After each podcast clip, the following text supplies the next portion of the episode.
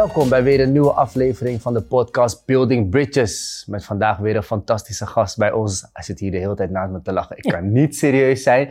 Maar maakt niet uit. Geproduceerd door Going Places Productions. Uh, ik ben Johnny Suiverloon. En ik ben Edson Braafheid. En vandaag hebben we onze broeder bij ons, Khalid Boularouche. Mede Steenbok ook nog, zie ik ook nog. Jazeker. Oftewel, de kannibaal! Lekker hoor. Khalid. Yes. Ehm, we kennen je natuurlijk vanuit je voetbalcarrière. Grotendeels. RKC, Hamburg, Chelsea, Sofia, Stuttgart, Sporting, Brumby, Feyenoord. Ehm, EK gespeeld. WK gespeeld. Fantastische speler natuurlijk. Maar vandaag gaan we je uitdagen als mens. Oh. En dat is voor ons heel belangrijk. Maar onze allereerste vraag natuurlijk is, ehm, hoe gaat het met je? Hoe gaat het echt? Hoe gaat Echt het met echt je? met je? Oké, dus het moet geen eh, politiek correct Nee, nee, antwoord nee, nee, geven. nee, dat doen we niet. Nee, nee, gaat goed. Gaat goed. Ik, eh, ja, ik doe leuke dingen. Eh, ik ben gestopt bij AZ Mhm. afgelopen zomer. Daar deed ik de, de trainingsopleiding en dat, ja, dat wilde ik gewoon een keertje proberen. Ehm, ik was er al geen fan van, maar ik dacht, ja, je moet, je moet eh, proeven om te weten hoe het smaakt. Ja. En ik heb heel veel dingen geleerd. Het was echt een geweldige ervaring. Maar eh, het geleefd worden, dat gevoel van het geleefd worden, dat kwam weer bovendrijven. En eh, ja, dat, dat, daar ga ik niet zo lekker op. En dat, was, dat had ik ook een beetje tegen het einde van mijn carrière. En, ja, dus dat was ook de reden waarom ik daarmee ben gestopt. En, en wat was dat gevoel van geleefd worden dan? Wat houdt dat Nou, in? je zit, je zit continu vast aan een schema. Ehm Natuurlijk, ik, ik, ik wist van tevoren dat als, als trainer zijnde, en dan was ik, ik was de assistent, maar je zit toch vast aan het, aan het schema van de hoofdtrainer. Eh, je kan niet even zeggen van na de lunch, eh, jongens, eh, tot ziens, ik ga er vandoor. hoor. Je moet, je moet altijd beschikbaar zijn voor de spelers, voor vergaderingen, voor gesprekken. Ehm, ja, dat, dat was voor mij ehm, eigenlijk het punt waarvan ik dacht, ja, ik ben alleen maar hiermee bezig en wil ik dit nog wel de aankomende 10, 15 jaar doen? Mhm. Nou, en ehm, dat was voor mij gewoon een, een dikke nee. Alleen tegelijkertijd moet je tegen heel veel dingen eh, eh, die je ook leuk vindt, moet je ook nee zeggen. Hè? Dus de omgang met de collega's op de werkvloer, op het veld staan met de spelers. Nou, dat vond ik allemaal wel leuk. Dat was allemaal top. En de club was fantastisch. Alleen, ja, ik had geen tijd meer voor, voor mijn eigen ding, zeg maar. Weet je? Eh, gewoon simpel padellen of voetballen, eh, ja, dat, dat zat er niet in. Ja. ja, begrijpelijk. Dus dat was voor mij eigenlijk een eh, reden om, om mee te stoppen. En verder ja, doe ik eigenlijk leuke dingen. Ik, ik pak het ana- analysewerk bij Sigo heb ik weer opgepakt. Eh, daar had ik vorig seizoen ook heel weinig tijd voor. En verder doe ik een beetje reizen en van het leven genieten. Beetje levensgenieten Ja. gewoon. Ja. Wat je, wat je zegt, hè, Boela. Ehm, je wilt niet meer geleefd worden. Ja. Heb je dat gevoel wel gehad tijdens je hele carrière? Ehm, nee, nee. En eh, waarom? Omdat ik het, ik vond het leuk. Oké, Dus ik wilde daar graag zijn. Ik wilde datgene doen wat ik ervoor moest doen. ja, En ik wilde er graag veel meer voor doen ja, als dat ik al deed. Dus voor mij was het, eh, het was niet geleefd worden. Ik, maakte eigenlijk, eh, kijk als voetballer heb je, eh, ja helemaal als je in de top speelt, je bent heel veel, heel veel weg van huis. ja. Alleen je wilt die wedstrijden spelen. Vanuit een bepaalde passie. mhm, Dus ehm, ja, dat, dat neem je maar voor lief. Alleen als je dat een x aantal jaren achter elkaar doet, helemaal tegen het einde van, van mijn carrière, ja, toen had ik wel een beetje het idee van pff, dat hotelleventje, weet je wel, bus in, bus uit, vliegtuig Mhm. in, vliegtuig uit. Dat had ik wel gehad. Het spelletje op zichzelf, nee, dat, dat raakt me, daar raak je nooit eh, eh, op uitgekeken. ja. Maar het leven eromheen, dat was voor mij wel waarvan ik dacht, nee, pff, Heb je, heb, je daar, heb je daar heel veel moeite mee gehad? Want je zegt nu net eh, het leven eromheen. Als voetballer, ja, hoor ik vaker, hè? Het spelletje, de passie daarvoor, de liefde daarvoor, heb ik ook. Maar alle randzaken daaromheen wat erbij komt kijken. Ja, ja kijk, weet je, het is, Edson, het is, veel dingen gaan ook op een gegeven moment automatisch piloot. Ja, Ehm, want uiteindelijk draait het om, om de training en om de wedstrijden. Ja. En alles wat je daaromheen doet is, ja, dat is gewoon puur om jezelf voor te bereiden, zo goed mogelijk voor te bereiden op het moment dat komen gaat. ja, En eh, dat is eh, voor de training, na de training in de gym. Eh, je laat je behandelen als je last hebt, of je laat je masseren als je daar zin in hebt. En daarna ga je naar huis en dan is het eigenlijk in principe rusten. Ja. Dus Oké, dat gedeelte begrijp ik. Dan ga je naar huis, onderweg naar huis, je gaat boodschappen doen, je gaat een keer een restaurantje in, wat eten. Ja. Maar dan ook die fame. En voor heel veel voetballers is dat wel een droom.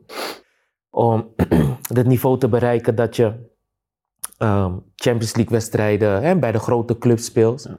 speelt. Die fame en die aandacht. Ja. Continu bekeken worden. Continu dat mensen wat van je willen. Was dat ook iets waar je van, eh, van genoot? Ehm, in het, nou, genoot is, is misschien niet helemaal het juiste woord, alleen het is, ehm, ja, ik kom bij het Nederlands elftal, ik ga Ja. naar HSV, dan merk je in één keer dat je bekend wordt. Je wordt Ja. herkend, mensen spreken je aan op straat, mensen willen een handtekening, mensen willen een fotootje maken en dat is allemaal prima, weet je, het is allemaal op een goede manier. Ja. En ik had daar eigenlijk nooit moeite mee, maar ik begreep ook waarom. Het was de voetballer, niet de mens, uh, Boularus. Juist. En dus ik heb het ook altijd zo gezien. Ik ben daar niet echt in gaan geloven. Eh, ik had altijd het idee van als je hierin gaat geloven, dan heb je straks een probleem als je stopt met voetbal. En je, en je, krijgt, je krijgt waarschijnlijk minder aandacht. Was je daar al bewust van? Op, op, op, hè? op, want hoe oud was je Nederlands zelf de HSV? Eh 22? 22. Ja. Was je toen daar al bewust van? Nou, ik, vertel, ik maakte mezelf vooral wijs van hier niet in gaan geloven. Ja. Denk niet dat het omdat jij het bent. Nee, het is om, om de voetballer. En zodra de voetballer gestopt is, dan zal er nog wel aandacht zijn, maar dat zal ook weer afzwakken. Ja. En eh, ja, ik, ik moest mezelf daarvoor behoeden om, om vooral niet in dat, in dat wereldje te geloven. Want Ja. eh, ik ben van mening, tenminste, ik probeer dan vooruit te denken. Eh, als je dan straks, straks, straks stopt met voetballen, dan ga je dus ergens mentaal in de problemen komen. Ik had dat ook vanaf het begin. Ik zei ook vanaf het begin, ik wil mij ontwikkelen natuurlijk als voetballer, Ja. maar ook echt als mens zijnde. Maar, nou, jij ging naar HSV, ik ging een aantal jaartjes daarna ging naar Bayern München. Ja. En dan had ik nog steeds, hè, heel grappig, mijn eerste week ehm, word ik in Maximilianstraße daar, eh, Ja. de PC van, eh, van eh, München. En loop ik Dolce Cabana in. En dan zie ik een broek van 600 zoveel euro. Ja. Van nee man, snel terughangen. ik ging nooit boven 150. Ehm, maar dan had ik wel mijn droomauto, die ik graag wilde kopen. Ja, Eh, Bentley. ja. Bentley Ja, ik weet het. Ik weet het. Ik heb je gezien. Ik heb je gezien. Die ging wel iets te snel trouwens, maar Ja. En dan eerste maand salaris komt binnen, koop ik die auto. En dan kijk ik weer naar mijn rekening, denk ik, ik heb nog gewoon heel veel over. ja. Misschien kan ik die broek ook kopen. die Dolce Toch maar weer broek. teruggaan. Maar goed, da- dat was voor mij wel een beetje het begin. Ja. Wat ehm, ik wil normaal blijven, ik wil nuchter blijven. Ehm, niet zulke stappen. Maar door het geld en door het aandacht Ja. merkte ik dat ik langzaam wel die richting op ging van oké, ik ga er een beetje in geloven in het voetballer. Ja, Zijn precies. Dat heb je nooit gehad? Ehm, nou, kijk, ik, ik, werd, ik moet wel ook heel eerlijk zeggen, dat, eh, dat heeft ook te maken met mijn ouders. Die hielden mij echt heel erg strak, want ik was af en toe wel van de grens opzoeken. En nou, Ja. wij komen uit een familie van negen kinderen. Ja. Ja, dus dan moet je als vader zijn, dan moet je consequent zijn. Je moet continu een grens trekken. En helemaal voor diegene, nou waren mijn broers en zussen, die waren nog oké, die konden zich makkelijk aan de regels houden. Maar als mijn vader bijvoorbeeld tegen mij zei half negen, en ik zag in, in de zomer dat het nog best wel eh, licht buiten was, dacht hmm, kwart van negen kan wel. Dus ik gooide voor mezelf een marge erop. Ja. En eh, nou, dan dacht mijn vader, oké, ik ga eens even kijken hoe die met eh, autoriteit omgaat. Dus dan liet hij me. En de tweede keer dacht ik, oké, kwart voor negen was geen probleem. Hmm, misschien kan ik negen uur Negen uur. thuiskomen. Ja. En toen kwam ik negen uur thuis. En toen werd ik aan mijn oren getrokken. Ja. Weet je, dus gewoon normaal blijven doen. eh, gewoon niet gek doen en gewoon luisteren naar wat er van je gevraagd wordt. En eh, ja, ik ging toen... eh, mijn vader overleed op 16-jarige leeftijd. Dus eh, op een gegeven moment eh, ja, worden hele andere dingen van je gevraagd. Weet je, als je 16 bent. Vergeleken met andere eh, kinderen die eh 16 eh, zijn, die beide ouders hebben. Die hebben andere zorgen, om het zo maar even te zeggen Hmm. ik moest toen heel anders gaan denken. Ik moest gaan denken, oké, hoe, eh, hoe ga ik mezelf navigeren door het leven? Eh, hoe, wa- wat ga ik doen? Word ik profvoetballer? Hoe ga ik dit aanpakken? Weet je, allemaal dat soort dingen. Financieel, hoe ga je dat dan allemaal doen? Dus daar, dat dat waren dingen waar ik over na moest gaan denken. En eh, nou, toen ging ik op mezelf wonen, bij, eh, ging, en ging bij RKC voetballen. Mm. Voor heel weinig geld. Dus het waren allemaal dingen die mij continu bezig hielden van oké, het leven, weet je. eh, wat, wat vraagt het van je? Hoe ga je daarmee om? Financieel gezien, mentaal gezien. Eh, ik ging naar RKC. eh, Je moest heel volwassen worden op een jonge leeftijd, Ja. al, denk ik. En, Nou ja, goed, ik, ik, ik, ehm, ik, ik voetbalde bij RKC, of eh, bij AZ in het tweede. Ja. Daar had ik be- best een prima contract. Gewoon een normaal salaris. En, en toen ging ik naar RKC. Omdat mijn contract werd niet verlengd. Ik was een beetje verbaal, was ik een beetje een moeilijke jongen geworden. Ook vanwege het overlijden van mijn vader. ja. En eh, ja, AZ wilde niet met mij verder, wat be- best wel terecht was. Dus ik ging bij RKC eh, eh, voor een stagewedstrijd. Nou, daar werd ik aangenomen. En ik kreeg een contra- amateurcontract was het toen eh, Ja. voor eh 500 euro. Nou, ik heb daar niet over nagedacht. Ik ben ook niet in onderhandeling geweest. Ik heb gezegd, is goed, dat doe ik. Weg uit Amsterdam ben ik in Waalwijk gaan wonen, in een huisje. Ja, je betaalt 125 euro huur. Wat krijg je voor 125 eh, tegenwoordig? Ja, misschien zo'n zo'n Twee vierkante meter, een Ja. kast. Je krijgt Ja. een kast. Nou goed, in ieder geval, dus je kan best wel voorstellen in wat voor woning ik daar, eh, daar woonde. En, eh, dus dat maakt het voor mij allemaal, ik werd aan het denken gezet. Mm. En eh, omdat het ook geen fijne woning was, dacht ik bij mezelf, weet je wat? Ik ga lekker twee keer op een dag trainen en dan kom ik pas einde middag thuis. Dan hoef ik niet zo lang thuis te zijn. Dus ik maakte van een Mm. nood, maakte ik eigenlijk, nou ja, nood. Ik maakte eigenlijk van een nadeel, voor mezelf dan, zoals ik dat zag, probeerde ik een voordeel te maken. En Mm. vanaf dat moment dat ik twee keer ging trainen, want ik was niet zo sterk, conditioneel niet, fysiek niet. Ja, toen ging ik echt stappen maken. En toen was ik binnen een half jaar zat ik bij het eerste. Nou ja, goed, dat, dat waren dus eigenlijk de, de... Dat was eigenlijk voor mij het fundament wat ik had, had gelegd. En Ja. toen ik naar HSV ging, toen ging ik echt, maakte ik echt reuzensprongen qua, eh, qua salaris. En wat jij, waar jij het net over had, ja, dan kom je in één keer in de categorie dat je denkt van, hé, hey, ik hoef niet meer na te denken om een broek te kopen. Ik hoef niet meer na te denken om mooie schoenen te kopen. Ja. En daarvoor moest ik echt sprokkelen om Ja. de derde week van de maand te halen met 500 euro in de maand. Ja. Eh, dus toen heb ik met mezelf afgesproken, heb ik gezegd, is goed Boela. Doe zes maanden lang, de eerste zes maanden, doe waar je zin in hebt. Ja. Maar daarna ga je gewoon sparen. Ja. Dus ik heb mij toen mezelf de, de tijd gegeven om, om te genieten op mijn manier. Ja.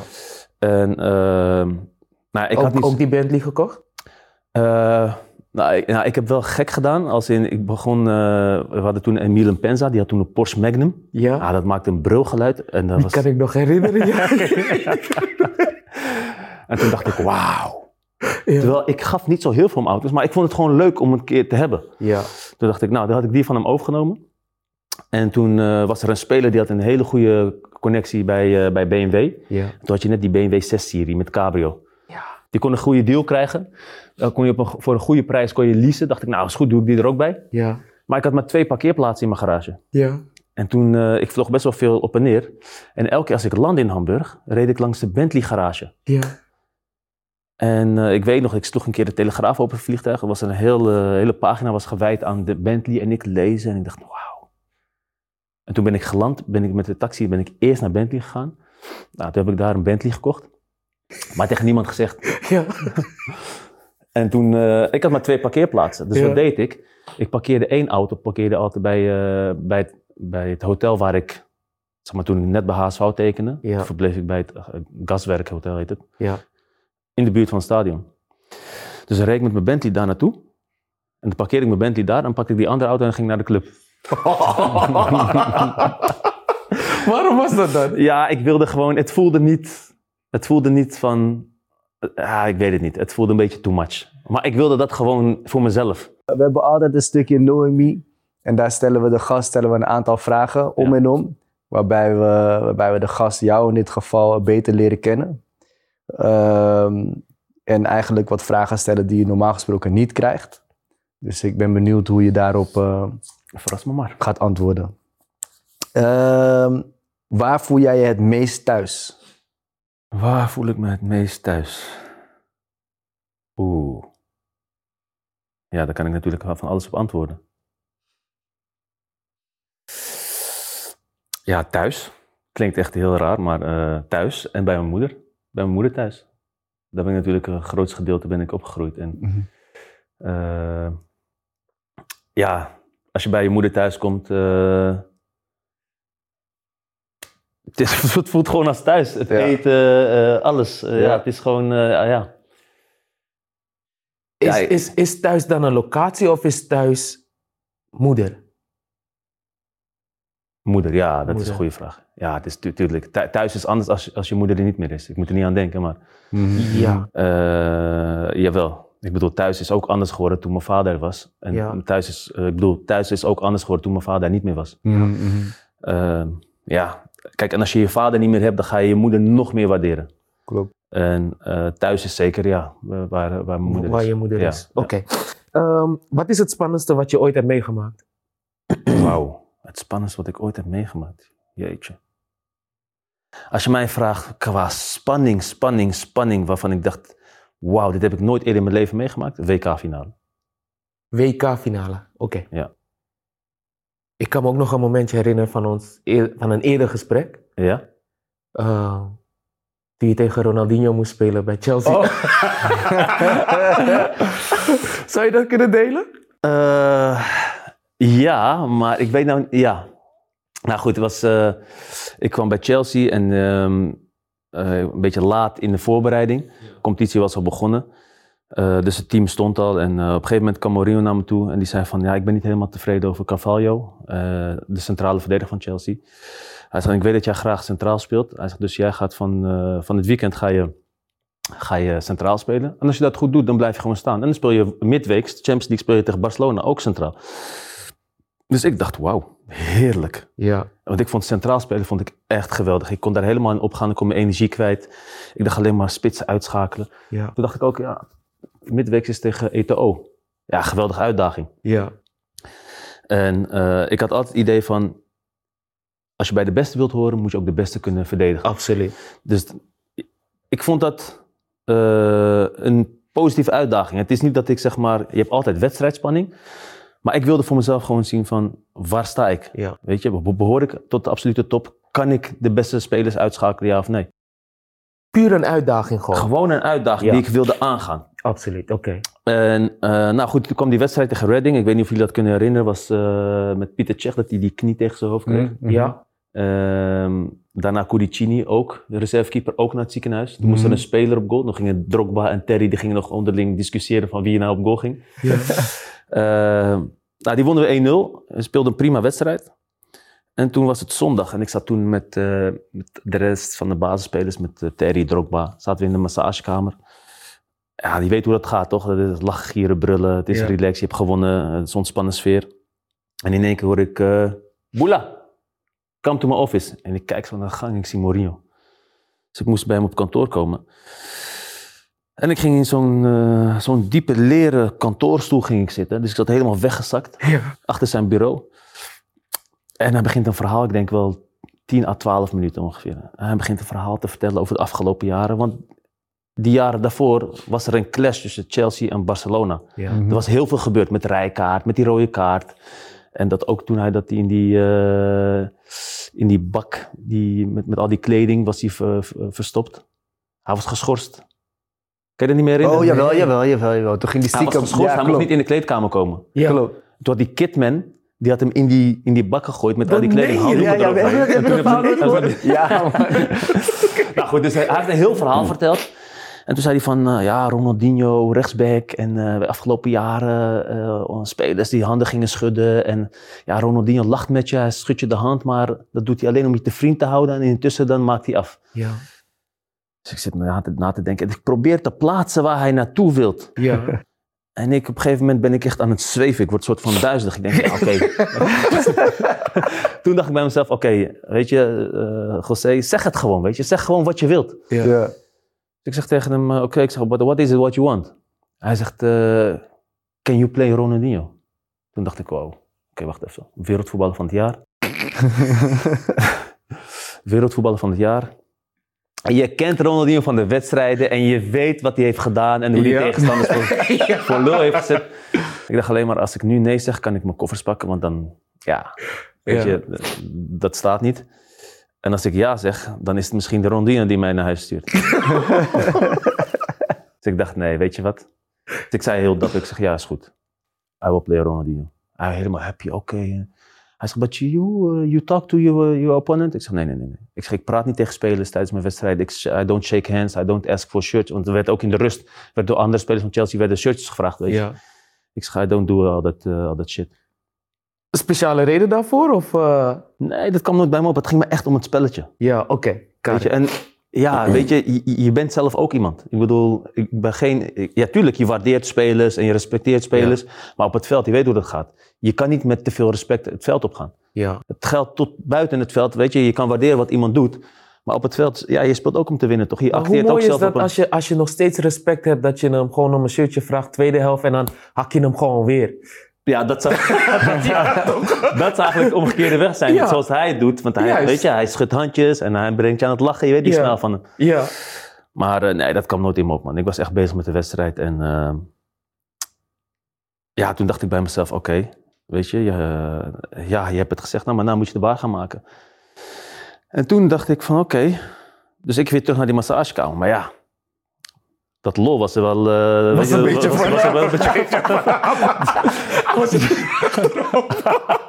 Je zag er niet daar Hij zat in mijn achterhoofd, maar hij zag echt naar mijn gezicht. Dus Drogba lachen. Ah, Boela, what's going on? Hij zei, ja, maar goed, maar goed. Dus ik dacht, ik ging even naar, de, even naar de kleedkamer. Ik dacht, hoe ga ik dit nou aanpakken? Ik dacht, weet je wat, Boela, straks als je thuis bent, ga je huiswerk doen. Ja.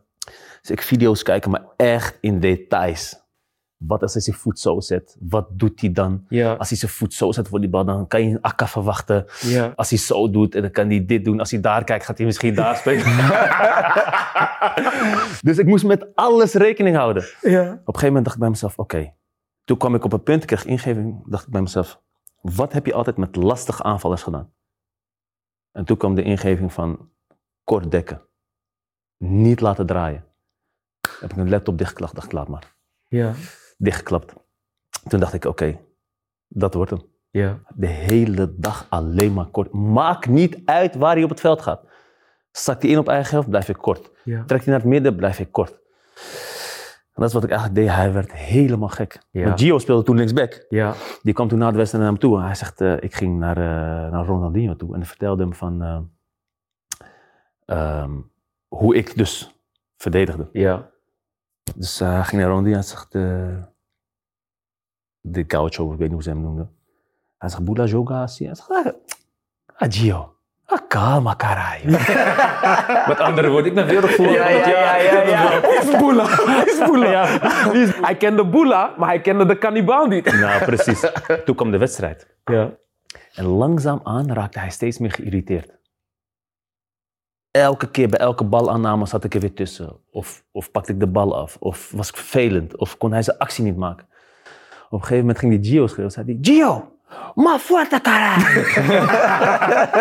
dus hij zei tegen Gio, zei hij, strakker inspelen zodat hij meer tijd had. Weet je? Ja. Ja. Maar dat lag niet aan Gio. Het zat, er, het zat hem gewoon in het feit dat ik heel kort zat. Ja. En eh, op een gegeven moment ging hij naar het middenveld trekken. En ik weet, als aanvallers van de zijkant het middenveld in gaan spelen, dan hopen ze dat ik loslaat, Juist. zodat ze de ruimte krijgen. Juist. Nou, je kent het. En eh, ja, maar dat was wel... eh, ja, we wonnen die wedstrijd en ik, ik speelde me eigenlijk uit de wedstrijd. En eh, dat was wel... Ja, dat was ook wel spannend, maar op een leuke manier spannend. Ja.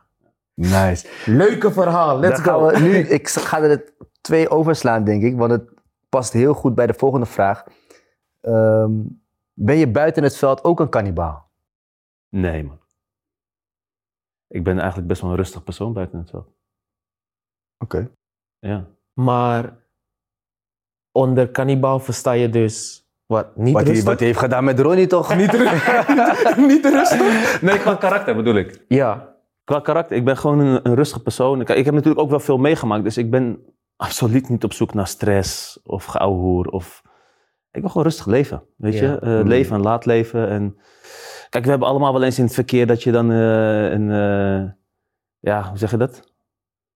Je wordt even boos. Even, ja, dat je even boos wordt, maar...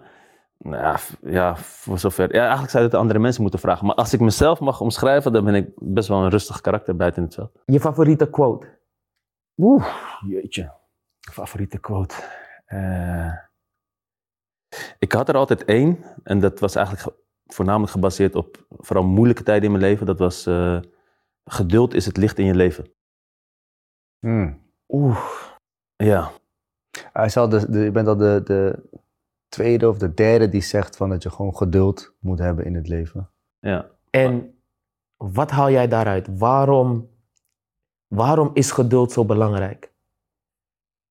Ehm, waarom is geduld zo belangrijk? Ik heb niet de wijsheid in pacht, maar eh, als ik voor mezelf mag beslissen, dan is het vooral. Ik ken mezelf en als ik vanuit emotie ga reageren, en emotie heb ik dan echt over de alle, of het allereerste moment waar geduld wordt gevraagd, of de moeilijkste momenten waar geduld wordt gevraagd. Snap je wat ik bedoel? Ja. Dus je kan bijvoorbeeld. eh, mijn vader komt overlijden. En dan de eerste periode is het zwaarst. Ja. Daar kan je op twee manieren reageren. Je kan er op een goede manier mee omgaan. Of op een slechte manier mee omgaan. Dus geduld als in, het is een moeilijke tijd. Je, je hebt heel veel vraagtekens. Je hebt geen antwoorden op bepaalde vragen. Of je gaat de verkeerde pad op. Om, zeg maar, je verdriet te verwerken. Snap je wat ik bedoel of niet? Ja. Ja. Heel goed. Ik, ik, ik begrijp dat heel goed. Als je één ding opnieuw zou mogen doen in het leven, wat zou het zijn? Wow. ja, serieus? Waarom die zucht dan, bro? Maar het mag goed en slecht zijn. Ja. Laat ik het zo zeggen, ik zou bepaalde keuzes in mijn leven zou ik anders hebben gemaakt. Kijk, ik heb, ik heb bepaalde keuzes heb ik vooral op gevoel. Ik ben een gevoelsmens en Ja.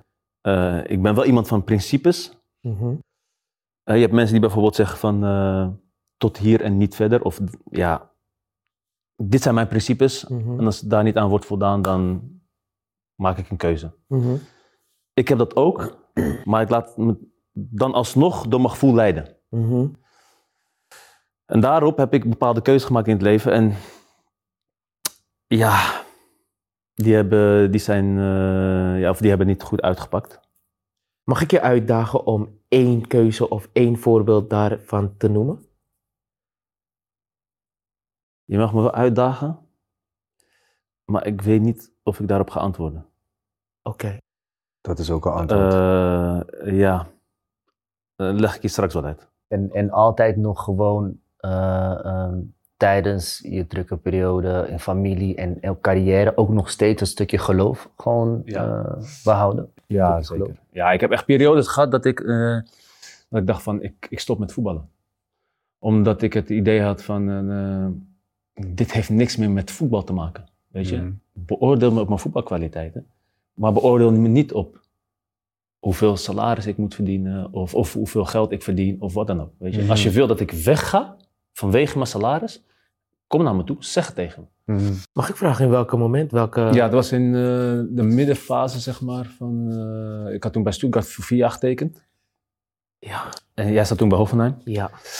En eh, de eerste, het eerste anderhalf jaar, eh, toen speelde ik nog. En daarna kwam, eh, ja, kwamen er nieuwe trainers. Eh, ik had heel sterk het gevoel dat er een beetje politiek werd gedreven daar. Ehm, nou, dat zag je ook wel een beetje terug in de opstellingen. Ja. En nou, dat, dat is het dus het moment waar ik het over heb. Heb geduld, weet je? Omdat Ja. je gelooft in, in het goede van de mens. Dus je gelooft in oprechtheid. Dus, dus je, je wacht, je denkt, oké, er worden keuzes gemaakt. Ja. Dus je moet wachten. Wacht op je kans. En maar wachten, en maar wachten, en maar wachten, en maar wachten. Op een gegeven moment gebeurden er andere dingen waarvan ik dacht, hè? Toen kwam er een nieuwe trainer. Toen dacht ik, oké, iedereen begint weer op nul. Ja. En toen was er een centrale verdediger geschorst. Dus ik dacht, nou, ik ben de eerstvolgende. Ik schuif door, ik ga spelen. Ja. En toen maakte hij de selectie bekend. Zei hij van, eh, morgen reizen we met 19 man. Dacht ik, oh, hij neemt nog iemand extra mee. Ja. En Boela en die en die en die, die blijft achter. Dus zei ik tegen hem. Toen ben ik gelijk me afgestapt. Ik zeg tegen hem, eh, ik zeg, ik wil graag weten wat er aan de hand is. Ik zeg, hoezo? Ik zeg, je, je, bent, je bent er net een paar dagen. Hoezo? En hij is geschorst. Dus dan ben ik toch degene die gaat spelen. Ja, ja, ja. Was Christian Grosso, een Zwitser. Ja, ja, ja, ik weet niet, Boela, ja. Heerlijk die accent ook. Maar hij sprak zo Duits, een beetje op zijn- op op Frans, weet Ja, je. ja, ja. Ja, ja, ik weiß niet. Dan, uh, ja, ja, het is een buikgevoel. Ik zeg, buikgevoel? Ik zeg tegen hem, was mijn toen met buikgevoel? Ik zeg, eh, ik zeg, word je misselijk van me of zo? Ja. Hij zegt, ja, nee, ja, nee, ja, nee, Boela, ja. Moest je einfach accepteren. Toen zei ik tegen hem, ik zeg, luister. Ik zeg, ik speel het Nederlands elftal. Ik heb WK's, EK's gespeeld. Eh, Champions League gespeeld. Ik zeg, ik ben niet 16 dat je tegen mij zegt, gewoon accepteren. Ik zeg, dus je gaat me een reden geven? Of, weet je, wees duidelijk met me. Ik zeg, maar je gaat me niet zo naar huis sturen met niks. Ja. Ik zeg, is mijn grote neus? Is mijn linkervoet? Is mijn rechter? Ik zeg, zeg het maar. Wat je, vind je me niet aardig? Kan je me niet uitstaan? Ja, Ja. Even knap, jongen. Ik had een aardig neusje voor goed verdedigen. dus vandaag is mijn neus. weet je, maar. Lekker. Sorry. En, eh, maar hij kon me geen antwoord geven. Toen zei ik tegen hem, weet je wat, is goed. Ik snap dit spelletje al. Ik weet hoe het werkt. Jij hebt hier helemaal niks te vertellen. Ik zeg, het is van bovenaf. Mm. En toen, maar terwijl ik dat zei, liep ik weg. Toen zei die kom eens hier. Ik zeg, nee, ik kom helemaal niet. Ik zeg, ik heb je net gevraagd om een antwoord. Je kon me geen antwoord geven. Ik ga wel naar de technisch directeur. Mm. En toen was ik wel woest. En eh, toen heb ik me even laten gaan. Ja. Je had van die, eh, je had van die deuren en daarboven had je van die kleine raampjes. Maar je dat? Dan ben je boos en doe je je schoen uit. En wil je dat, ik wil dat het raampje een stuk gooien. Ja. Maar de eerste was mis, toch? Dus pak die tweede op. Dus, dus mijn boosheid liep niet echt helemaal vloeiend. je dus ik moest hem even uit. Ik moest hem langer doorspelen. Dus ik pakte mijn andere schoen ook nog en toen, boem, toen raakte ik hem wel. Ja. En toen ging ik naar boven, was op een zaterdag. Normaal gesproken is technisch Dirk, die is niet aanwezig. En toen klopte ik op de deur en ik deed open en ik zag hem daar een sigaretje roken, Horst Held. Mhm. En ik zeg tegen hem, wat is er aan de hand? Nou, heel lang verhaal kort maken. Hij, eh, ik, eh, ik sloeg met mijn vuist op tafel. Ik zeg, jij gaat me nu vertellen wat er aan de hand is, want dit duurt allemaal te lang. Dit is niks meer met voetbalkwaliteiten. Ik zeg, moet ik weg vanwege mijn salaris? Nee, nee, nee, wat is er aan de hand? Ik zeg, dit nieuwe trainer, die laat mij gewoon thuis. Hij zegt, kom, gaan met de trainer praten. Ik zeg, nee, hij heeft geen antwoord. Jij hebt de antwoorden. Ja. Nou goed, ze konden mij geen antwoord geven. En toen heb ik gezegd, weet je wat. Dus dat was wel een periode dat ik bij mezelf dacht, weet je, eh, als ik alleen was, geen familie, geen verantwoordelijkheid, was ik gestopt. Hmm.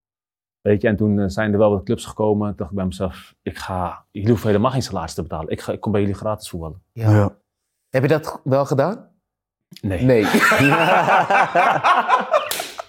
Eh, nee, want uiteindelijk, uiteindelijk, ja, weet je, dat had zo moeten zijn. Maar uiteindelijk kwam er een oplossing.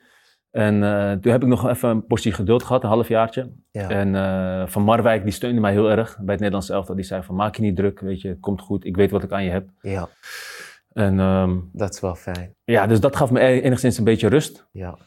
En toen, ehm, daarna kwam er een nieuwe trainer en toen wilde ik weg. Toen dacht ik, ja, weer een Duits trainer. En die zei tegen mij, nee, nee. Hij zei, ik moet een klootzak hebben zoals jij op het veld. Ja. Hmm. Ik zeg hem, ja, ik zeg, mooie praatjes. Ik zeg, ik trap er niet meer in. Ik zeg, ik wil weg. Hij zegt, Boela, jij gaat bij mij spelen. Hij zegt, jij gaat bij mij belangrijk worden, je gaat bij mij spelen. Hij zegt, ik heb een klootzak zoals jou nodig op het veld. ja. Ik zeg, niet dat ik een hij zegt, niet dat ik een klootzak vind, maar iemand Karakter. met karakter, ja. Ja. Ja, en toen heb ik, eh, de laatste anderhalf jaar heb ik het eigenlijk hartstikke naar mijn zin gehad. ja. Alles gespeeld, belangrijk geweest, goals gemaakt. Dus die quote van jou heb je daar eigenlijk toegepast. Geduld. En daarna kwam het licht. Ja. ja. Ehm, Nou ja, geduld. eh, Het was één moment dat ik wel echt woest was. ja. Maar dat was echt omdat ik zo lang tegen bepaalde dingen aanliep. Dat ik op een gegeven moment dacht van, oké, ik wil gewoon duidelijkheid. Weet je? Geef me gewoon duidelijkheid. Dus dat was het eigenlijk. Oké. ehm, we, hebben, we hebben lang nagedacht of we dit ook eh, moesten, moesten vragen ook. Maar we vinden dat het wel belangrijk is eh, om dit aan te kaarten. We gaan terug naar het, eh, het EK van Ja. 2008. Ja. Ehm, daar gebeurt er een, eh een privé situatie, wat daar gebeurt. Ehm, we bespraken het hiervoor al. Eh, en Edson en ik kunnen daar heel erg mee relaten. Het is ook bij ons gebeurd. Ja. Ehm, en bij mij was het zo. Gianni, Moet ik, vertellen, moet ik even aan, vertellen wat het is dan? misschien, misschien in jouw situatie, vertel, vertel wat het is. Want Oké, ja, dus eh, bij mij, eh, in mijn tijd bij, bij West Bromwich Albion, eh, met mijn toenmalige vriendin, hebben we een, eh, een miskraam hebben we gehad. En Ja. ehm, Je merkt dat ik het gewoon... Emotioneel, ja. maar Ik vind het moeilijk om te vertellen, man. Ja. En eh, ehm, het gebeurde volgens mij eh, door de weeks. En ik moest op zaterdag moest ik spelen. Ja. Volgens mij tegen Redding uit, volgens mij. En op een gegeven moment eh, gebeurt dat dus. En natuurlijk helemaal van slag, helemaal eh, van de kaart. En ik heb dat toen gedeeld met de trainer. En de trainer die, eh, eh, die zei, Johnny, vervelend voor je. Neem een dag vrij, maar zaterdag moet je spelen. Wie was dat? Roberto Di Matteo. Oh, wauw. Ja. Ja. Hij zei vervelend voor je, maar zaterdag moet je spelen. Ja, en we speelden, nog, we speelden uit. Even Wil je wat water? water. Ik heb water voor je, bro. Ik dacht dat je het nooit zou vragen, maar... Midden in mijn verhaal gaat hij vragen. Ik vertel een prachtig verhaal. en dan vraagt hij weer wat water. Oké, luister. Dus ehm, we moesten uitspelen. Dus ik moest ook nog eens een keer met de bus. Ja. De dag van tevoren moest ik weg. En, en zij was alleen thuis. Weet je? Ja. Uh, en ik was er helemaal niet bij. Ik zeg, luister trainer, ik kan echt niet spelen. Jawel, we hebben je nodig. Ehm, weggegaan, alleen maar aan de telefoon. Zij zat thuis. Alleen ook nog eens een keer, want we waren in Engeland. Geen familie om me heen, geen vrienden. Helemaal kapot. En ik was bezig met haar, niet met de wedstrijd. En we spelen die wedstrijd. En letterlijk scoorde zij de snelste goal ooit. Oh, in de Premier League. In de, nee, volgens mij was dat in de beker. Volgens mij Hmm. speelden we voor de beker. Snelste goal ooit. Die bal komt, aftrap, pap, we, voor ons. Middenvelder, speelt naar mij. Ik ben er niet bij. Verkeerde aanname. Eh, eh, spits loopt op me af, pakt die bal van me af, maakt de actie, schaar, bam, schiet hem in de kruising. Wow. En ik zeg tegen die trainer, ik zeg, hey, eh, ik zeg, ik zei toch, ik kon niet spelen. Vervolgens komt hij naar me toe, hij zegt, luister Johnny, maak je niet druk. We weten dat je het moeilijk hebt, neem anders nog even een week vrij. Maar daarna heb ik nooit meer gespeeld. Omdat ik werd afgerekend op die game. Ja. Nu, terug naar jou. Ik wist, me, ik wist die knop niet om te zetten om alsnog te kunnen presteren. Maar zoals ik al zei, we zijn heel erg benieuwd naar de mens hierachter in zo'n situatie. Hoe heb jij je daar overheen kunnen zetten Ja. en toch kunnen presteren? Kan je ons, kan je ons misschien meenemen? Ja. Een beetje in, die, In het verhaal, ja. in het verhaal. Eh, even kijken, wij speelden volgens mij eh, de derde wedstrijd van het EK 2008. Nou, de eerste twee wedstrijden waren echt geweldig. Tegen eh, Italië en Italië, tegen Frankrijk. Ja, man. Eh, die wonnen we allebei dik. En ehm, we speelden echt geweldig. En de laatste wedstrijd van de pool was tegen Roemenië. Van Basten zei tegen mij, want daar gaf een aantal basisspelers gaf die, eh, rust. Zei tegen mij, hoe beter je speelt, hoe sneller ik eh, eh, ga wisselen. Maar volgens mij, ik weet niet eens meer of ik ben gewisseld of ik de hele wedstrijd heb gespeeld. Nou, na de wedstrijd, we hadden familie die was, die was in de buurt. Die mocht dan mee eten. En, maar die de vrouw bleef, die verbleef wel in een ander hotel. Ehm, dus in de avond eh, met mijn toenmalige eh, vrouw, eh, die had ik toen een telefoongesprek. En die vertelde me toen van dat er buikhard was. Ja, ik had toen nog niet het idee van, oké, dit is ernstig, weet je wel. Ik zei haar, ja, oké, buikhard. Ja, dat zal wel onderdeel van het proces zijn, van het zwanger zijn. Dus ik, ja, met, met eigenlijk geen gedachten ging ik gewoon naar bed. En de volgende ochtend, nou, je weet het, als je, als je basis hebt gespeeld, dan is er uitlooptraining voor degene die hebben gespeeld. En, dus ik zat op een matje, het was mooi weer, zaten we naar de wissels te kijken, samen met, uh, met Affelay. En uh, wij hadden onze uitlooptraining gehad en ik zat een beetje te kijken, een beetje te praten, een beetje aan het genieten uh, van de wedstrijd ervoor en ben naar, naar de training aan het kijken. Op een gegeven moment werd ik geroepen door Hans Jorisma. Hij zei, je moet even komen. Dus ik stond op, ik liep naar hem toe. Hij zegt, je vrouw ligt in het ziekenhuis. En ze zat een busje straks klaar. Hij zegt, uh, je moet nu gelijk naar het ziekenhuis. Dus wij gelijk naar het ziekenhuis. Uh, en ik weet nog dat er ergens werd gesuggereerd iets met doping of zo. Ja, omdat je van de training werd gehaald. Ja, ja, en, ja, ja. Maar goed, ja, ik, ik, ik, ik, had dat toen helemaal niet meegekregen. Pas later hoorde ik dat. Dus wij naar het ziekenhuis en uh, ja, daar, daar werd me eigenlijk het, eh, verteld dat het kindje geboren moest worden. Ja. En het kon niet gehouden worden, want anders zou eh, eh, de moeder ook nog risico lopen op overlijden. Mhm. Ehm, ja, dus we hadden geen andere keuze. En ja, het kindje werd geboren, mijn dochtertje Anissa. En ze heeft toen nog letterlijk een half uurtje heeft geleefd. Ik denk dat ze ongeveer zo groot was. Mhm. En je zag echt het hartje kloppen. Ging, klopte heel snel. Ja, dat was eigenlijk heel erg emotioneel. Dat was, eh, je, kan je niet op zoiets voorbereiden. Weet je, je ondergaat het, je maakt het mee. En pas later ga je dingen relativeren. En ja, knop omgezet. Ik weet niet of het een knop omzetten is. Ehm, ik moet wel zeggen, we werden echt fantastisch geholpen. Weet je, met, eh, met eh, de organisatie, met het organiseren van het begraven ook. Het kindje moest naar Nederland gebracht worden. Er werd een privéjet geregeld door de bond. De kist was geregeld.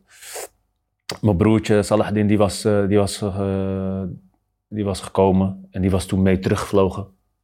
Zodat het kindje begraven kon worden. Ehm, alles was echt fantastisch geregeld. Hans Jorisma, echt, eh, ja, ik, ben die man eeuwig dankbaar. Qua organiseren was hij echt een, eh, fenomeen. Ehm, ja, en toen kwam dus de vraag van, ga je naar huis, ga, je blijven, weet je? Nou, ik had het gevoel dat ik, ik wilde doorspelen. En ja, als je mij vraagt, hoe heb je dat kunnen doen?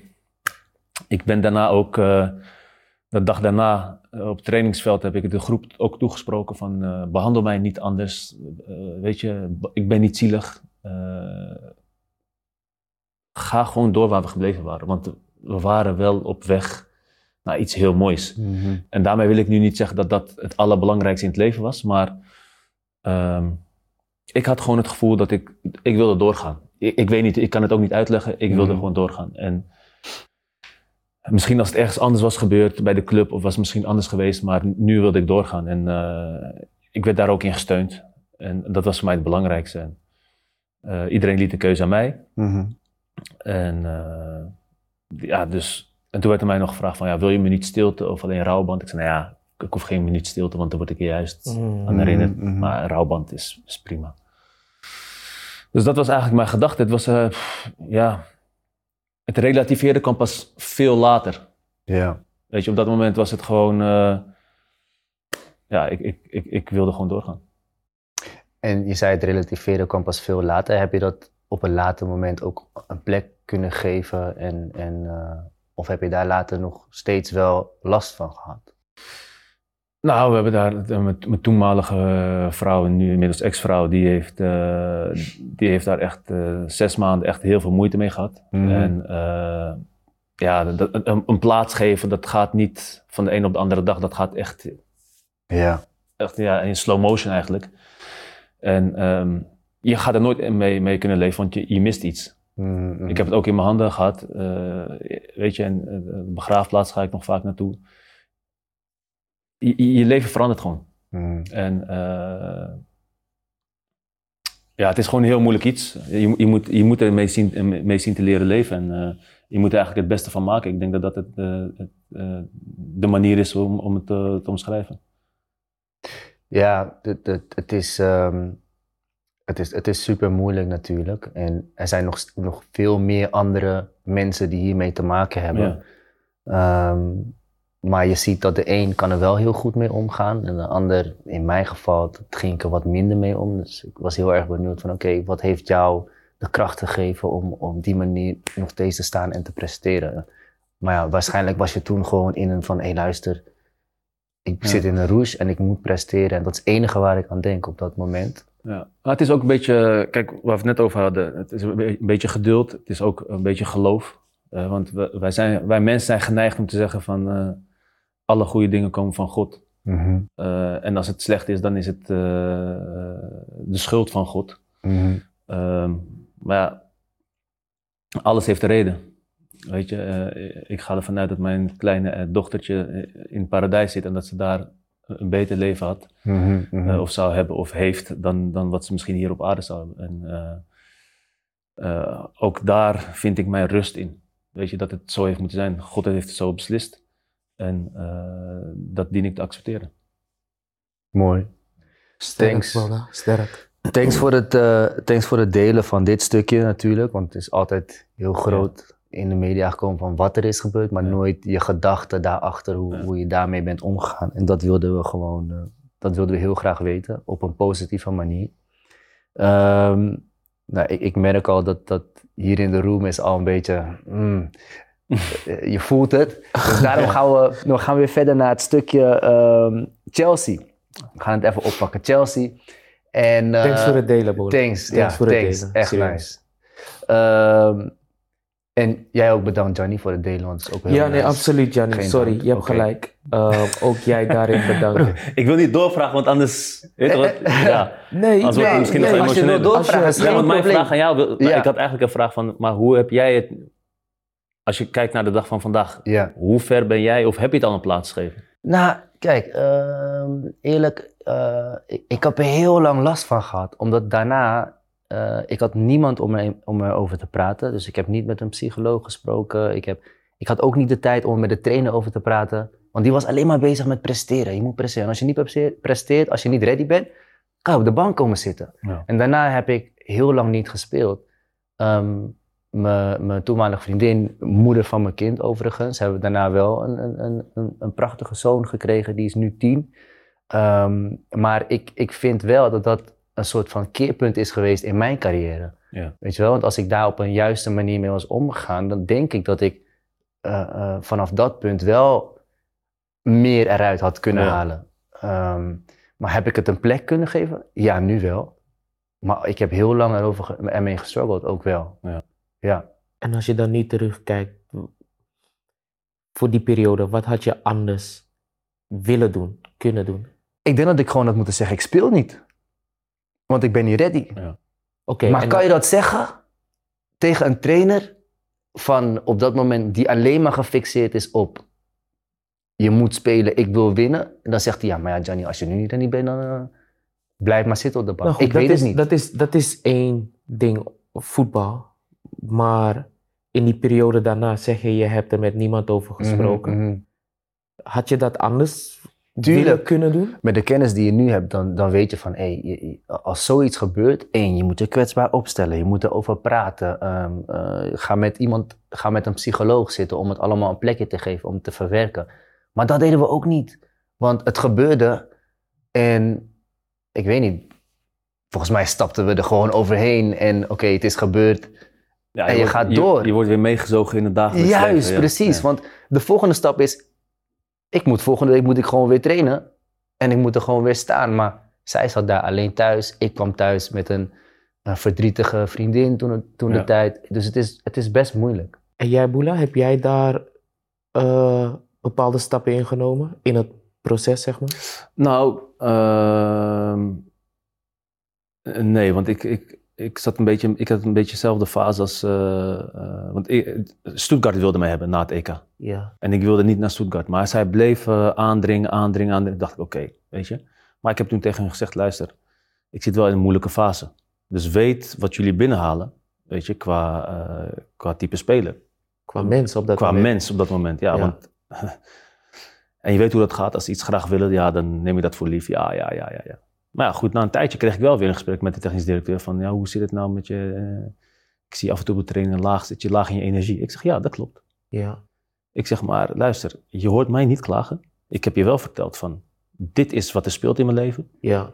Want ik was op de club, moest ik vol gas, werd gewoon hard getraind. En dan kwam je thuis en dan had je eh, een vrouw die eh, mentaal eh, eigenlijk naar de kloten was. En dat, ja, dat, dat, dat vrat ook heel veel energie. Ja. Dus aan het eind van de, van de rit was ik gewoon helemaal uitgeput. Ja.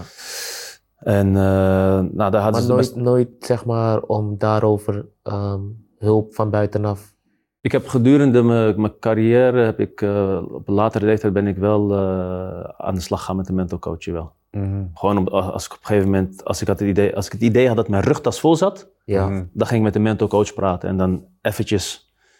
Want ik had, eruit, hè? ja, ik heb ervaren, ehm, toen ik van AZ naar RKC ging, Ja. toen ehm, had mijn zaakwaarnemer had mij in, eh, in contact gebracht met een eh mental coach. Die was net begonnen, Ja. best wel eh, een grappig verhaal. Die was net begonnen als mental coach. Ja. Dus ik kreeg de eerste tien lessen van hem gratis. En het was ongeveer 30 euro per les. Ja, 30 gulden was het toen nog. Maar ja, ik verdiende maar 500 gulden. ja. En eh, toen zei hij, weet je wat, je krijgt eerst 10 lessen gratis. En als we daarna, of we verder gaan, dan gaan we kijken wat we in Parijs gingen doen. Dus, ik voel hem aankomen.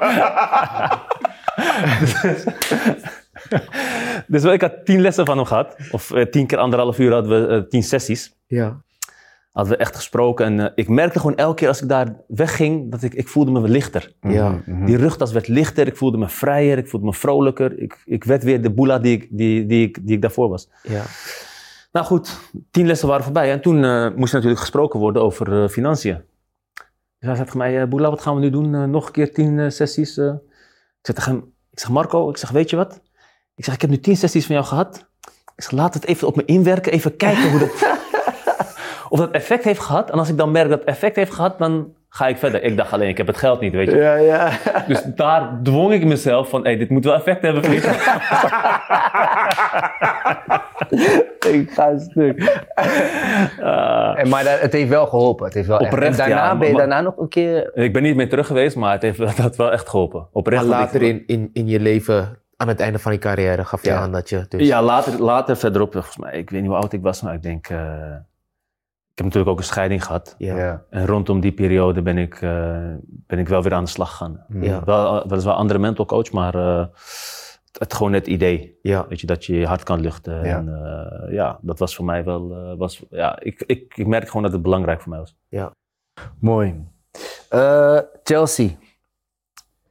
Je ging naar Chelsea. Dit is het verhaal wat wij hebben gehoord. En, eh, en je moest een nummer kiezen. Ja, man. Kidman zei... Wat voor nummers had hij over? Ah ja, die Kidman, eh, ja, hij kwam naar me toe op een gegeven moment en zegt, eh, you have to choose a number. Oké, which numbers are available? Begon die, 44, 54, eh 37. Ik dacht, gadverdamme, wat een nummers allemaal, weet je. maar ik kwam pas laat in augustus, kwam ik, of midden augustus kwam ik ergens. Dus alles was al vergeven, competitie was al begonnen, alle nummers waren al. Ja. Hij zegt, eh, also number 9, but striker. Ik zeg, ik zeg nummer That's 9. me. Ik, dacht- ik dacht niet als nummer 9, maar ik dacht gewoon zo laag, zo laag mogelijk.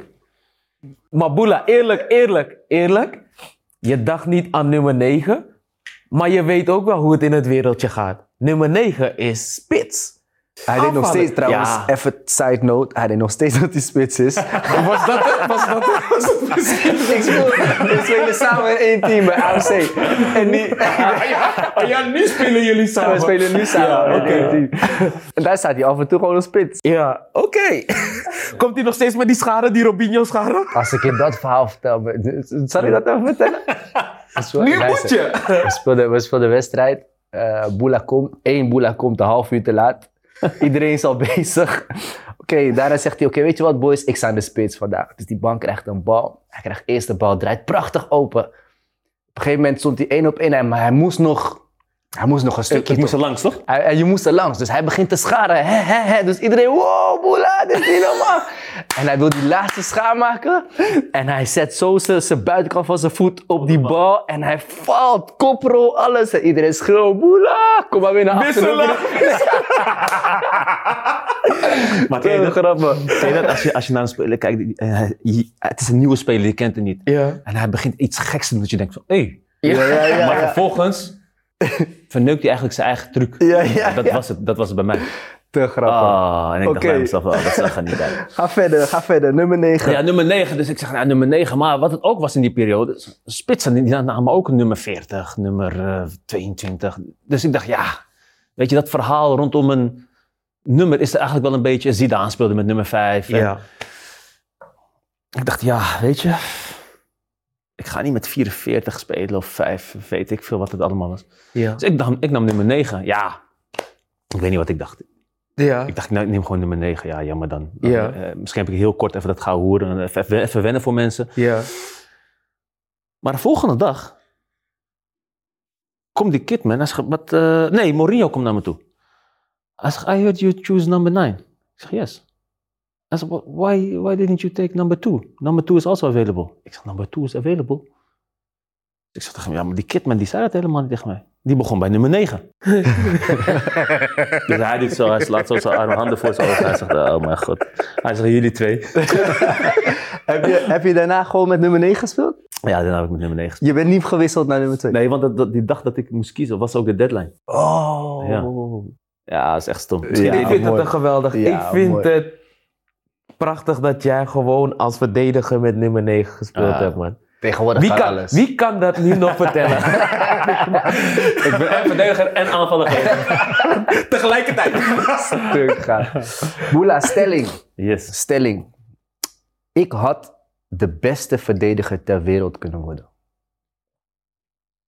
Eh, nou, laat ik het zo zeggen. Ehm, ik moet natuurlijk zeggen waar of niet waar. hè. Eigen invulling. Ik was echt 100% overtuigd dat ik in ieder geval bij de allerbeste, eh, de allerbeste kon worden, of een van de allerbeste kon worden. En ik was ook echt goed op weg. Ik kwam bij Chelsea, ik, ik speelde de wedstrijden. Ja, als je dan wereld, wereldvoetballer van het jaar uitschakelt en je speelt bij een topclub, ja, dan, dan toon je aan dat je dat niveau, dat je bij de allerbeste hoort.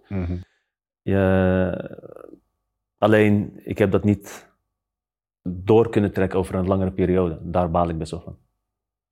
Is ook een reden hoe, hoe dat is gekomen. Ja, dat heeft ook voornamelijk met mijn eh, privéleven te maken gehad. Mhm. En, eh, omdat ik ben gewoon een persoon, ik kan maar op één ding tegelijk focussen. En als Mhm. ik te veel afleiding heb, om wat voor reden dan ook, dan, ja, dan verdwijnt die focus. En dan ben ik niet meer de boela die, je- die, die je kan zijn. Die die kan zijn. Hoe moeilijk is dat om die twee zaken te, te, te scheiden van elkaar? Voor mij was het heel erg moeilijk, omdat ik, ik denk heel veel na. Ik neem dingen heel veel mee. En eh, ik neem dingen heel veel mee in, in mijn kopie. En eh, ja, piekeren. eh, Boela, ik trek het bent- mezelf heel veel aan. Je bent, je bent, als ik het zo hoor, ik, ik ken je nu al- al een aantal jaren. Ehm, maar ik merk ook dat jij sowieso passie, hè, dat, dat Ja. heb je, dat zie je ook weer terug in je, in je spel. Ik hoor het nu ook hoe je aan het praten bent, weet je, Ja. je praat, je praat echt met die...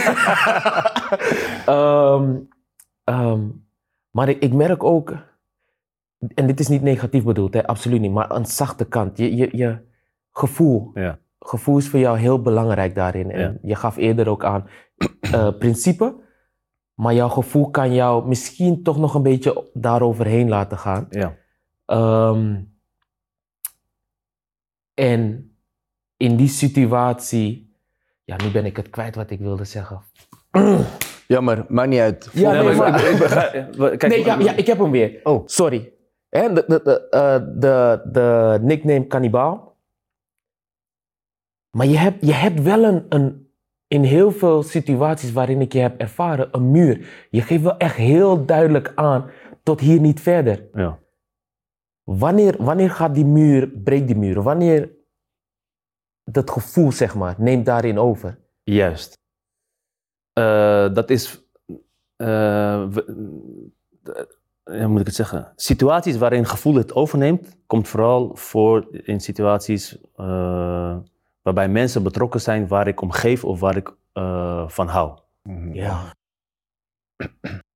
En eh, dan is het voor mij, dan heb ik een bepaalde zwak waarvan ik denk, Ja. omdat jij het bent. Ja, Mhm, mhm. Weet je? Ik geef om je of ik hou van je. Of... En alleen bij mij, moet ik wel eerlijk zeggen, is er te veel ruimte om, om zeg maar te concessies te doen. Weet je, elke keer Mm. qua gevoel zeg ik van, oké prima, we gaan weer verder. Prima, Ja. we gaan weer verder. Ja. En als ik heel eerlijk naar mezelf toe ben, dan moet het niet zo lang duren. Ja. Dus eigenlijk moet ik meer, op sommige momenten, meer mijn verstand gebruiken dan mijn gevoel. Ja. ja. Maar ja, Ja, ja, ja, nee, Ja. ik hoor je. Ehm, ehm, heb jij nu, zeg maar, ehm, na bepaalde situaties ervaren te hebben, ehm, hoe sta jij er nu in? Heb je nu, ben je wantrouwig? Ben je, heb je meer afstand? Eh, is die muur groter geworden, zeg maar? nee, ik, ik, Je bent nog steeds wel ik ben niet wantrouwig. Eh, tuurlijk denk je wel na over bepaalde dingen. Eh, ben je op je hoede voor bepaalde Ja. dingen. Maar ik vind altijd, je kan, ehm, je kan andere mensen niet straffen voor hetgene wat in jouw verleden is gebeurd. Wauw, Mm. Boela. En eh, je moet andere mensen ook een kans geven om, niet om hun te bewijzen, maar om zichzelf te kunnen zijn. Ja. Wauw. En eh, als, jij, eh, als jij niet met een persoon kan, dan is het omdat jij niet met een persoon kan zijn. ja. Want dan moet jij de keuzes maken. ja. Maar je moet niet, eh, jij kan niet met een persoon zijn omdat je in het verleden dat hebt meegemaakt. Mhm. Of omdat ik in het verleden dat heb meegemaakt, dan ben jij ook zo. ja. Dan ben je dus mensen aan het straffen voor iets wat zij niet hebben gedaan. Mhm, mhm. Ja, en dat, dat, dat, ja, dat kan ik niet. Thanks, man. Is, ehm, is de tegenwoordige Boela, is hij nu gelukkig? Ja, Ja. ja. ik doe wat ik leuk vind. Eh, ik kan keuzes maken eh, ehm, die, ik, die ik wil. Ehm, ja, bijvoorbeeld, eh, ik, ik stop bij AZ, ondanks dat ik het geweldig naar mijn zin heb. Maar, eh, ja, hoe moet ik het zeggen? Ehm, ja, de club is goed voor me, ik heb het naar mijn zin met de mensen, weet je, die, dat, dat mis je allemaal. Mhm. de werkvloer. Alleen je kan wel de keuze maken om te zeggen van ja, dat heerst toch wel meer dan dat gevoel wat ik bij de club heb. Als in van ik wil niet geleefd worden. Mhm. Weet je, dus ik kan bepaalde keuzes maken in het leven. Eh, ik doe wat ik leuk vind. Ehm, familie om me heen. Ja, ik ben een gelukkig persoon. Eigenlijk het laatste stukje. Ehm, we hadden je gevraagd om een item mee te nemen. Ja. Dat is, eh, dat is niet gebeurd. maar Hij kon één meenemen, maar die, die Ja, andere vertel- kant... ik wil, ik- toch, we, we hadden, we hadden gezegd, oké, misschien gaan we het niet doen, maar toch wil ik je vertellen, wil ik je vragen wat je wilde meenemen. Je hebt er maar één gevonden, maar wat is het verhaal erachter? Kijk, ik, heb, ik had best wel veel shirtjes. En die is in, mijn, in mijn tijd bij Stuttgart is ingebroken. Die zijn heel veel van, van gepikt. Mm. meegenomen. En, eh, en ik heb kiksen, heb ik nog heel veel. Ehm, maar ik wilde dus een paar kiksen meenemen. Die, eh, dat waren de kiksen waar ik voor het eerst een WK mee had gespeeld. Mm. En vanuit mijn sponsor, die, ja, eh, toen eh, ik werd door Nike gesponsord, die dachten van we gaan iets speciaals doen. Ehm, je bent ook de enige die dat eh, krijgt. We gaan jouw naam in het Arabisch Oh. op je schoen eh, graveren. Mm. Nou, iedereen, ja, iedereen die, nu, die nu zit te luisteren denkt, ja, oké, lekker bijzonder. Maar op dat moment, dat gevoel wat ik daarvan kreeg en meenam, ja, ik trok mijn schoenen aan en stond in het Arabisch stond dan Khalid Boularous. Ik had toen Mm. nog geen kinderen. En eh, ja, je zag bij, bij je collega's zag je dan eh, hun namen van hun kinderen of van hun vrouw of Ja. eh, van hun dierbaren. En bij mij stond in het Arabisch. Iedereen vroeg van, oké, wat, wat staat daar, wat is dat, weet je ja. En, en het was ook mijn eerste WK. Ja. Het was omdat het, het eerste groot toernooi. Uh, eindelijk stond ik daar, weet je, na RKC en dan twee jaar Nederlands elftal. Nu ging het gebeuren. Ja, dat was voor mij gewoon een, uh, ik wil niet zeggen kostbaar, maar wel een, ja, een heel erg mooi moment. Als je het hebt over kostbaar, mensen zijn mij kostbaar. Ja. Weet je, uh, items of hoe, hoe, zeg je dat, auto's of wat dan ook, of spullen of wat dan Dat is, kan, weet je, het, het komt en gaat. Ja, het materialen. Ja, Dat- materiaal, ja. ja. Daar geef ik niet zo heel erg veel om. Maar uh, ja, familie, uh, dat, is, dat is mij echt kostbaar. Ja, die kon ik helaas niet meenemen. Ja. Moest gewoon je moeder meenemen. Terugkijkend op, uh, ja, eigenlijk uh, deze mooie aflevering. En er waren nog, ik, ik zeg je eerlijk, er waren zeker nog 25, 30 vragen die, je, die je wilde stellen. eigenlijk? Oh, joh. Ja, ja, ja, ja. Alleen, um, ja, ik bedoel, uh, we, hebben niet, we hebben geen tijd voor alles. Um, we zeggen elke keer, uh, kom terug voor deel 2. Er zijn nog zoveel. Wie weet. Ja, wie weet, wie weet. Dan moet ik weer eerst honderd keer bellen om te vragen of ik keer tijd heb. Maakt niet uit. ik, uh, dan moet je er wel taxi voor me regelen, want ik maar um, terugkijkend op, op je leven en wat je allemaal hebt geleerd. Ja. Um, wat voor advies zou je jezelf geven? Uh, de jongere versie van jezelf.